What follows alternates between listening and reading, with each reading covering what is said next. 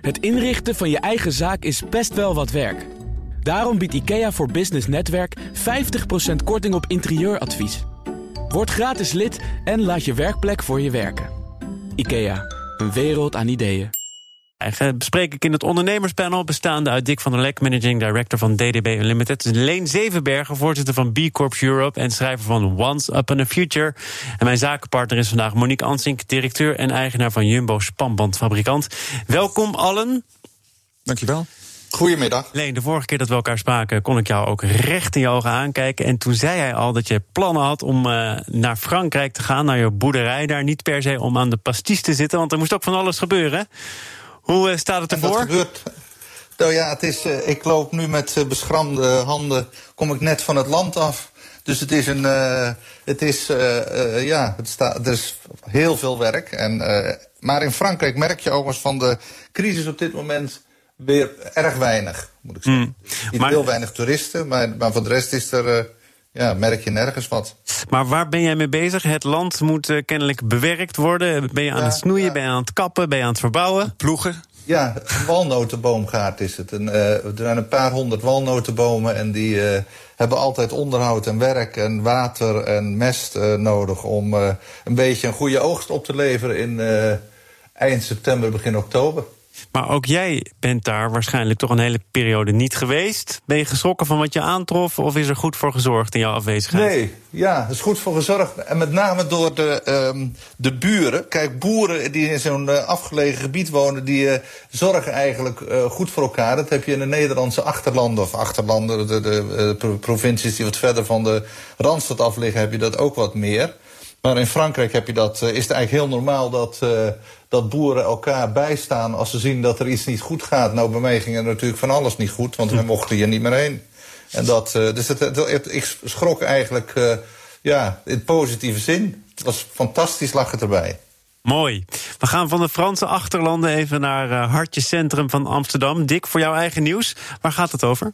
Ja, er is een, een beeld van een gaper je weet wel wat ze boven een drogist soms eh, hangen. Is van de gevel eh, getrokken of uh, verwijderd. Is geloof ik al een keertje eerder verwijderd daardoor een onverlaat. En nu door de eigenaar die vond dat hij daar last van had. Of zijn winkelpersoneel werd op aangesproken en voelde zich daar niet meer goed bij. En dat viel me op, want volgens mij uh, moet je altijd. Uh, Black, Lives, Black Lives Matter is natuurlijk ongelooflijk belangrijk, dat zegt het al. Maar je moet wel blijven nadenken uh, voordat je in de emoties schiet. En, um... Deze gaper, want ik ken het fenomeen ook niet tot in den treur eigenlijk. Maar heeft voor mensen die niet zo heel goed nadenken of niet gedetailleerd kijken, vrij veel weg van Zwarte Piet. Ja, dan moet je wel goed kijken hoor. Okay. Uh, want uh, het is eigenlijk een Oosterse kop. En uh, met een tulband. En daar heb ik Zwarte Piet nog weinig in rond zien lopen. En volgens mij is het bedoeld om aan te geven dat daar medicijnen of ja. gezondheidsartikelen worden verkocht. En vroeger kwamen die dingen nu eenmaal, die middelen, uit het oosten, Midden-Oosten of Verre Oosten. En ehm, dit was gewoon bedoeld om aan te geven wat de oorsprong was van die producten. En er zijn ook witte gapers, trouwens. Ja, die zijn er volgens mij ook. Ja. Zeg je wat? Ja. Nou ja, nee, maar dat is wel belangrijk, denk ik, voor de discussie. Want je ziet inderdaad een, uh, een kop en iemand die een tong uitsteekt. En in het beste geval ligt er dan een pilletje op die tong om aan te geven. Hier haal je de beste medicijnen en die kunnen van ver komen.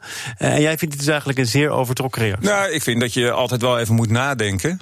Zeker als, als je een bedrijf hebt. En dat gebeurt nu ook veel. Ik weet dat Mars, die heeft het merk Uncle Ben's. Hè, met een, met een, een donkere man ja. in het logo. En inclusief ook de, de naamgeving. En die zijn nu aan het nadenken of ze het moeten veranderen. Dus daar komt waarschijnlijk een nieuwe naam met een nieuw logo. Dus ik denk als je het kunt aanpassen zonder dat er, omdat er een reden voor is en mensen daar gelijk in hebben. En, je, en dat kost niet al te veel moeite, moet je het gewoon doen. Maar als het niet zo is, dan moet je niet in, door de emotie mee laten slepen en uh, in één keer hele rare tour uithalen. Jij, jij kent de markt, jij kent de bedrijven, de merken die hiermee worstelen. Zijn dat er veel de afgelopen tijd? Nou, ik denk dat alle bedrijven uh, bijna gedwongen een statement uh, doen. Hè? Want je hebt ook het gevoel dat niets doen is geen optie. Want je moet een soort hand uitsteken. Je moet een soort actie ondernemen om, om te laten merken dat, je, dat het je serieus is. En dat je daar een beetje aan wil meehelpen. Dus dat doen eigenlijk alle bedrijven. Dat doen we zelf ook. We hebben een cultuurgroep. Uh, we zijn lid geworden van een, een soort onderzoeksstichting die allerlei onderzoek doet op maar allemaal wel omdat je het zelf ook wel noodzakelijk vindt? Of omdat je nou, denkt, die ja, cultuurgroep doen? die. Nou, die cultuurgroep hadden we al heel lang. En die uh, onderzoeksgroep die is nieuw. Dus daar hebben we nu een. Uh, ja, daar, daar, word je dan partner van. Ja. Uh, dat hoef je niet van de daken te schrijven. Maar dat geeft wel een goed gevoel. En uh, ja, als je het een klein beetje kunt supporten, is dat hartstikke goed. Ja. Maar eh, dan ronden we het af voor, maar het geeft wel een goed gevoel. Ja, dat is natuurlijk precies wat hier ook een Ja. beetje speelt. Ja, Ja. maar het voelt wel goed. Ja, nou daarom denk ik dat je het niet bij eh, woorden moet laten, maar om moet zetten in eh, daden. En dat is natuurlijk lastig voor bedrijven. Dus ja, hoe ver moet je daarin gaan? Ehm, de de bankenboze boze man die zegt over het algemeen van, nou ik hoef daar niet op te letten, want ik heb helemaal, ik vind iedereen gelijk. En iedereen die bij mij zich komt melden in mijn bedrijf, die beoordeel ik op dezelfde manier. Maar het grote probleem is natuurlijk dat mensen uit niet-westerse culturen uh, zich niet welkom voelen en het idee hebben dat er toch banken uh, boze mannen, bolwerken zijn. En uh, het idee hebben dat, dat ze daar mogelijk niet uh, welkom zijn. Dus je moet als bedrijf en ook als bedrijfsleider... moet je een hand uitsteken om te laten zien, actief laten zien... dat die mensen wel welkom zijn. Leen, heb jij alleen nog maar walnoten gezien de afgelopen dagen... of ook het nieuws toch nog kunnen volgen... en zodoende ook eigen nieuws ontdekt? Nou ja, ik volg het nieuws. Uh, ik probeer s ochtends uh, te werken en uh, op het land. Omdat het dan cool is. En voor de rest werk ik gewoon vanuit mijn kantoor wat ik hier heb. Dus ik volg het nieuws heel goed. Wat ik, overigens die gaper... Um, ja, weet je, het, is een, het lijkt wel of alles populistisch wordt. Alles moet kort en snel en simpel benaderen. En dat kan niet. Dat is jammer. Dat kan helaas niet. Dus je moet nadenken wat Dick ook terecht zegt. Het is, die gaper heeft er nergens wat mee te maken. Ik heb een zwarte iPhone. Nou, moet ik die ook in een witte gaan? Snap je? Het, is, het, wordt, het wordt belachelijk allemaal. En dat, en dat heeft te maken met haast, met, met onzorgvuldigheid. En dat is, uh, elk standbeeld moet weg. Het, weet je, het is... Het is een, uh, want aan ieder uh, mens zit wel, en dat is wat ik, wat ik zo jammer vind. Het is een uh, samenwerken om, om samen uit een oplossing, aan een, uit, een, uit een crisis te komen. Dat was wat, wat mij opviel in het nieuws. Waar je ziet dat uh, Europa toch heel erg zijn best aan het doen is om samen een plan te maken om uit deze economische crisis te komen. Merkel en Macron lopen daarvoor op.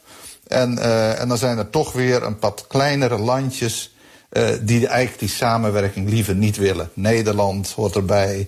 Daar ben ik dan erg teleurgesteld over Zweden, Denemarken. En dat is de, in de gesprekken die ik voer met zakenpartners uh, komt dit onderwerp vaak naar voren. Want er zitten ook een aantal Zweden bij die overigens daar ook teleurgesteld over zijn. Dus ik denk dat we. Um, Kijk, de ene keer helpen we uh, de zuidelijke landen en de andere keer helpen zij ons weer. En wanneer is dat dan, want even advocaat van de duivel, wanneer is dat dan gebeurd? Dat de zuidelijke Ja, landen, anders dat dan dat er een afzetmarkt zijn voor de noordelijke landen, de noordelijke nou, landen moesten helpen? daarvan? Dat is toch ook Nee, dat is, dat is wel belangrijk. Dus dat wordt ook Ja. wel, dat wordt ook, dat wordt ook wel Ja. aangedragen van hè, samen redden we het. En wat heeft een sterk noorden aan een zwak zuiden? Helemaal niets. Maar tegelijkertijd Nee. speelt er natuurlijk ook wel heel lang. En eh, ja, ik heb ook al wat economenpanels gehad en beleggerspanels, ondernemerspanels. Ja, de Italianen eh, die zouden dan moeten gaan hervormen. Doen ze niet. En wanneer komt dan het moment dat je dan toch zegt, ook in het belang van Italië, probeer iets te doen aan je eigen economie? Ja, nou Italië is, uh, als je naar duurzaamheid kijkt, is het een van de voorlopers in Europa. Dat is totaal onbekend. Ver voor op Nederland liggen ze. En dat uh, als je kijkt naar hoe ze met plastic omgaan, met allerlei uh, andere uh, verwerkingen van circulariteit, dan liggen ze daar erg in voor. Mm -hmm. Maar wat, wat mij het, het tweede nieuws, wat ik pak het er even bij, Thomas. Oh, ik dacht nog mij, even hier vragen uh, aan, aan Dick en Monique... of jullie ook vinden dat Ja. Nederland zich te gierig Ja, en te knieperig opstelt. Want dat is Ja, eigenlijk want wat het, dit hangt ermee samen. Dat wil ik oh, het hangt ermee samen. Oké, nou, dan ga, is ga je gang. eh, Ga je gang. Twee, een- twee punten. Een boek, nou, een boek wat net uit is. eh, wat een, eh, voor een econoom echt een wereldschokkende nieuwe visie oplevert, is eh, de Deficit Myth van Stephanie Kelton. En de Deficit Myth gaat over eh, het tekort wat wij als Europa hebben op de betalingsbalans, is dat goed? Moeten we dat oplossen met belasting of moeten we gewoon geld bijdrukken? En, dat, en is er eigenlijk helemaal geen tekort, geen deficit? En dat is een, uh, uh, de, zeer de moeite van het lezen waard. Ook als je het met name als je het hebt over het probleem van hoe gaan we nu de economische situatie te lijf. Maar er wordt toch zo her en der wel wat geld bijgedrukt? Leen, de afgelopen het zijn, tijd? allemaal, het zijn allemaal leningen, dus uh, er wordt Ja, ja. flink gedrukt. Nee, maar mensen, ja, maar mensen maken zich daar zorgen over. Mensen zeggen, eh, een tekort is niet goed. Een tekort op de betalingsbalans. Nou, wat de deficit myth zegt is... het maakt totaal niet uit. Maak het tekort maar zo groot als het kan. Want het is niet zo dat de portemonnee zoals wij die als privépersonen kennen... dat de overheid een vergelijkbare portemonnee heeft. En het, is, het bizarre is dat alle economen, inclusief ikzelf als econoom... zijn opgeleid in de leer van uh, uh, dat je een portemonnee eigenlijk hebt als pri- privépersoon, maar ook als overheid. En dat een tekort eigenlijk, ja, als privépersoon is dat helemaal vreselijk. Dat uh, mag niet te erg oplopen, maar bij de overheid ook niet. Nou, dat wordt hierin bestreden. En dat is zeer boeiend om te lezen. Want als dat waar is, en ik denk dat het waar is. Nou, kijk naar Amerika, het, dan eh, zie je dat het waar is. Het is Ja, zolang iedereen ja. blijft geloven in de dollar, eh, kunnen ze bijdrukken wat ze willen. En als, het, als wij ook geloven in de euro, dan kan je net zoveel bijdrukken als je wil. Zo is het. Nou, misschien ben ik wat eh, Calvinistischer. Ik vind het een grote vlucht naar voren. En het voelt ook alsof je je problemen doorzet naar een eh, volgende generatie. Maar eh, Nee, lees ik ben het geen econoom alleen. Nee, nee, nee. Het boek, als je het boek leest, het is niet door de minste mensen geschreven. Eh, het heet Modern Monetary Theory. Dan eh, is dat. eh, eh, dan, dan wordt, dat- wordt het zeer zwaar wetenschappelijk onderbouwd. Waarom, de, waarom die denkfouten bij economen. eh, Ja, en geld is niet meer schaars. Hè? Dus dat is ook de eco- economen denken altijd in schaarste. Maar geld is niet schaars. Dus eh, ja, dat is het hele verschil met eh, vroeger. En Andere de link dingen die zijn er vroeger schaars. was hè? tussen. Ja, ja. Schone lucht. De link en, die eh, er vroeger water. was. Ja. Ik denk eh, dat ik eh, maandag maar weer eens in de leer ga bij Kees de Kort en de economen die ik dan eh, ontvang. En ik hoop dat ik in de tussentijd misschien wel tijd heb om dat boek te gaan lezen. Ik introduceer nog eventjes de leden van ons ondernemerspanel. Dick van der Lek, Leen Zevenbergen en Monique Ansik, mijn zakenpartner van vandaag. Nog eventjes wat, wat luchtiger nieuws. Of nou luchtig, ik weet niet eens of dat wel het goede woord is. Maar Veilig Verkeer Nederland heeft onderzoek gedaan naar het rijgedrag. Vooral van zakelijke rijders. En eh, mensen die zakelijk onderweg zijn, rijden veel gehaaster en onvoorzichtiger dan mensen die eh, een privéritje maken. Dick? Ja, dat kan ik me wel voorstellen. Ja, in mijn eh, reclame- of marketingindustrie zijn we enorme deadline-werkers. Dus wij, eh, wij hebben de presentatie, zeg maar, vijf minuten voordat we de auto inspringen naar een opdrachtgever, hebben we die klaar. En dan moet er vaak nog wat tijd ingehaald worden. Dus ik herken het wel heel erg. Eh, in deze periode natuurlijk helemaal niet, want eh, eigenlijk 9 van de 10 presentaties en in een bepaalde periode wel 10 van de 10. Dat ging allemaal op afstand. Er zit wel een beetje een geheven vingertje van Veilig Verkeer Nederland bij. Hè? Misschien wel terecht van jongens, ook als je zakelijk onderweg bent, probeer het een beetje rustig aan te doen. Ja, maar eh, misschien wordt dat nu opgelost door de, dat er één snelheid is voor het hele land. Want je probeert toch altijd te kijken van waar mag ik iets harder. En, eh, en eh, je probeert inderdaad al tijd in te halen. Tenminste, ik spreek even voor mezelf. Wanneer was je laatste boete?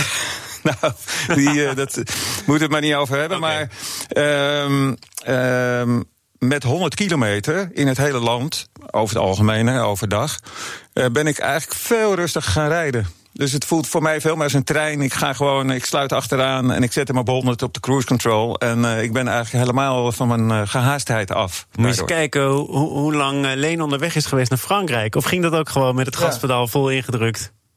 Nee, dat is. eh, maar in Frankrijk heb je een heel grappig systeem. Daar heb je een aankondiging van een controle. Oh. En eh, dus eh, dat vinden ze schijnbaar eerlijk daar. En dus je ziet eh, een bordje en dan zie je er komt nu een controle. Dan kijk je gauw even, er staat een bordje naast altijd van hoe hard je daar mag. Nou, dan ga je even zo hard en dan heb je hem. Laten we zeggen 500 meter verderop wordt, er- staat er een flitser. Dus je, hebt een, eh, dus je kan ietsjes harder rijden daar. Maar ik denk overigens dat, dat eh, hard rijden, zakelijk en privé... dat dat ook te maken heeft met ehm, het, wat je, het fenomeen wat je ook bij vliegen ziet. Eh, soms zie je hele gezinnen die met elkaar op vakantie gaan, of mensen die zelf op vakantie gaan, en die vliegen dan e- economy class. Maar zakelijk willen ze heel graag eh, business class vliegen. En eh, als iets van jezelf is, of als iets je eigen portemonnee raakt, ben je over het algemeen uh, nauwkeuriger in hoe je met zaken omgaat. Dus ik denk dat dat ook heel erg meespeelt. Mensen die privé rijden denken van ja, het is toch een beetje voorzichtig op mijn auto zijn, want het heeft een hoop geld gekost. Benzine is duur, uh, die boete wil ik eigenlijk niet betalen. Dus het raakt je eigen portemonnee. Mm. En ik denk dat dat ook meespeelt bij het. Ja, die boetes uh, die worden niet door de baas betaald hoor. Nee, niet overal. Nee.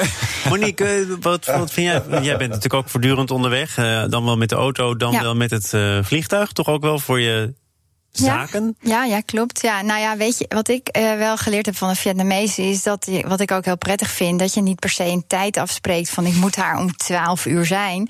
En dan kan je ook gewoon rustig rijden. Dan zeg ik, ik ben er ergens tussen 12 en half 1. En dat doe je natuurlijk ook als je op familiebezoek gaat. Maar met zakelijk afspraak is dat het precies om een bepaalde ja, tijd. En dat is ook die te laat komt. Die deze eh, marge nemen, die zeggen tussen 12 en half 1. Nou, dan ben ik er om half 1, toch? Dus dan moet je nou ook ja, nog maar dan heb je toch wel wat meer rust. Dus zoals hier bij de studio, dan denk ik, oh ja, dan moet je hier wel echt om 12 uur zijn. Dus dan betrap ik mezelf er ook wel op dat ik iets harder ga rijden. Want er is altijd weer net iets wat ertussen komt. Of je wordt gebeld of een collega vraagt nog wat. Dus, uh, dat doet ja, er altijd goed gekomen. Ik weet niet met hoeveel boetes je dat hebt moeten bekopen. Nee, maar je bent boetes. hier voortdurend uh, nog op ben tijd. altijd wel op tijd, hey, maar en, het en, gaat uh, net aan. Het, het, het, grotere onderzoek of het grotere bericht dat hier ook wel mee te maken heeft... is het feit dat veel grote bedrijven nu hebben gezegd... wij gaan in de toekomst echt minder vliegen. Um, Leen, heb je daar vertrouwen in? Ja, daar heb ik wel vertrouwen in. Ja, dat is een, uh, je hoort het overal. En niet alleen in Nederland, maar over de hele wereld denken mensen dat dat. Uh, ja, ze hebben een geweldige ontdekking gedaan, een heleboel bedrijven. Namelijk dat, uh, dat je ook wel eens op afstand met elkaar kunt vergaderen en dat dat nuttig zou kunnen zijn. Dus ik denk dat, dat, dat de KLM en andere luchtvaartmaatschappijen nu, dat hadden ze eigenlijk al lang moeten doen, eigenlijk eens even moeten gaan nadenken van hoe ziet hun businessmodel er nu uit? En dat er minder gevlogen wordt en dat het ergens voor KLM vind ik helemaal niet zo erg eigenlijk. Nee. En dat dat, uh, het, het, wordt hoog tijd dat KLM. Uh, dat die zelf eens een keer naar, naar zichzelf kijken en denken: we zijn een trans transportbedrijf, mobiliteit uh, leveren wij. Moet dat nou altijd per vliegtuig zijn of moet het anders zijn? Dus ik denk, eh, bediscussieer dat. Dat is een aanleiding, wat hier nu gebeurt, voor, voor luchtvaartmaatschappijen om eens daarna te denken van of hun businessmodel nog wel klopt. Ja, ik heb het idee dat uh, de luchtvaartmaatschappij niet zoveel keuze hebben. Want uh, ja, of je zou in uh, automobiliteit moeten, moeten gaan. Dat zie ik niet zo snel gebeuren. Um, ja, wij werken veel voor internationale klanten en daar werd al heel veel op afstand gewerkt. Je ziet ook toen wij uh, in lockdown gingen, was het de inter internationale ploeg die eigenlijk het makkelijkst uh, voorgesorteerd was op de nieuwe werkwijze. Dus ik denk dat dat nog wel meevalt. Uh, maar ja, de negen van de tien bedrijven die heeft grote financiële problemen. Dus dan hou je alles tegen het licht. En nou, dan, dan, kijk je bijvoorbeeld naar je uitgaven in je reclamebureau. Dat is dan minder leuk. Uh, maar de uitgaven aan het reizen, ja, dat is ook een makkelijke om uh, in te snijden. En het is inderdaad zo, mensen zijn wel erg handig geworden uh, met Microsoft Teams en WebEx en Zoom meetings. Vinden ze ook allemaal erg vermoeiend aan het einde van het de is, dag. Maar... Het is super vermoeiend en het is ook in veel gevallen heel beperkt productief. en met name in de creatieve industrie ben ik ervan overtuigd dat de fysieke aanwezigheid om in een hok te zitten samen, een noot te kraken, problemen op te lossen, een vonk over te laten springen, dat het altijd nog het beste gaat als je met elkaar fysiek. Uh, in een, in een kamer zit. Hoe denk jij dat het gaat, gaat verlopen met heel veel zaken op afstand, Vietnam? Ja, het wordt natuurlijk gewoon een combinatie. En dat deden wij ook wel al. Want wij hebben elke maandag al een teamsmeeting, al jaren met, uh, met ons team in uh, Vietnam. Dat kan niet anders. Maar we moeten er echt wel zo nu en dan naartoe. We deden dat altijd één keer in het kwartaal. Want anders verarmt de boel daar ook wel. En uh, ja, toch. Hoe bedoel je dat? Verarmt de boel daar? Nou ja, dat is net als met een bedrijf. Als je er nooit komt, dan, uh, dan verarmt het. Dan verarmt je je relatie verarmt. Maar ook gewoon hoe gaan mensen met, uh, met uh, de processen om en met het gebouw om. Je moet gewoon toch af en toe even gewoon kijken. En ook al, al, kom, al weten ze dat je komt, dan weten ze toch ook wel van ja, we moeten het altijd op orde houden. Ja. Ja. En als je nooit komt, dan verslapt dat. Dat is ja. gewoon zo. Dus, ja, daar, dus het zal een combinatie worden. Maar dat het minder wordt, denk ik ook wel. Maar ook omdat er geen budget is. Ja. Nee, ik heb het wel meegemaakt in uh, internationale zaken doen in Amerika, maar ook wel in Azië. Op het moment dat je je kont gekeerd hebt, dan, gaan, dan sluit het systeem zich weer en gaan ze toch weer een beetje hun eigen gang. Dus die fysieke aanwezigheid, die, die heb je nodig om een beetje grip op de zaak te krijgen. Ik wil tot slot, en iets te kort, uh, korter dan mijn lief is, naar uh, een laatste onderwerp. Namelijk het feit dat CNV een onderzoek heeft laten uitvoeren naar rouwende werknemers. Rouwende werknemers ervaren de huidige regelingen voor rouwverlof als onvoldoende. En de vakbond pleit nu voor een flexibel opneembaar rouwverlof van twee weken. Waarbij dus geen vakantiedagen hoeven te worden ingeleverd. Leen, is dat een goede zaak? Ja, dat is een goede zaak. Het is alleen jammer dat uh, um, ja, dat het, dat het zo. Dat, dat er überhaupt over gepraat moet worden. Weet je, als je, een, als je netjes omgaat met je mensen, met je medewerker. Met je medewerkers, dan. Uh, dan zou dit eigenlijk een, is dit een, no, een, een non-item, ja. een non-issue. Het is een, als je weet dat, dat, dat 60, 70 procent van de mensen vinden, is uit onderzoek gebleken, vinden hun werk niet leuk.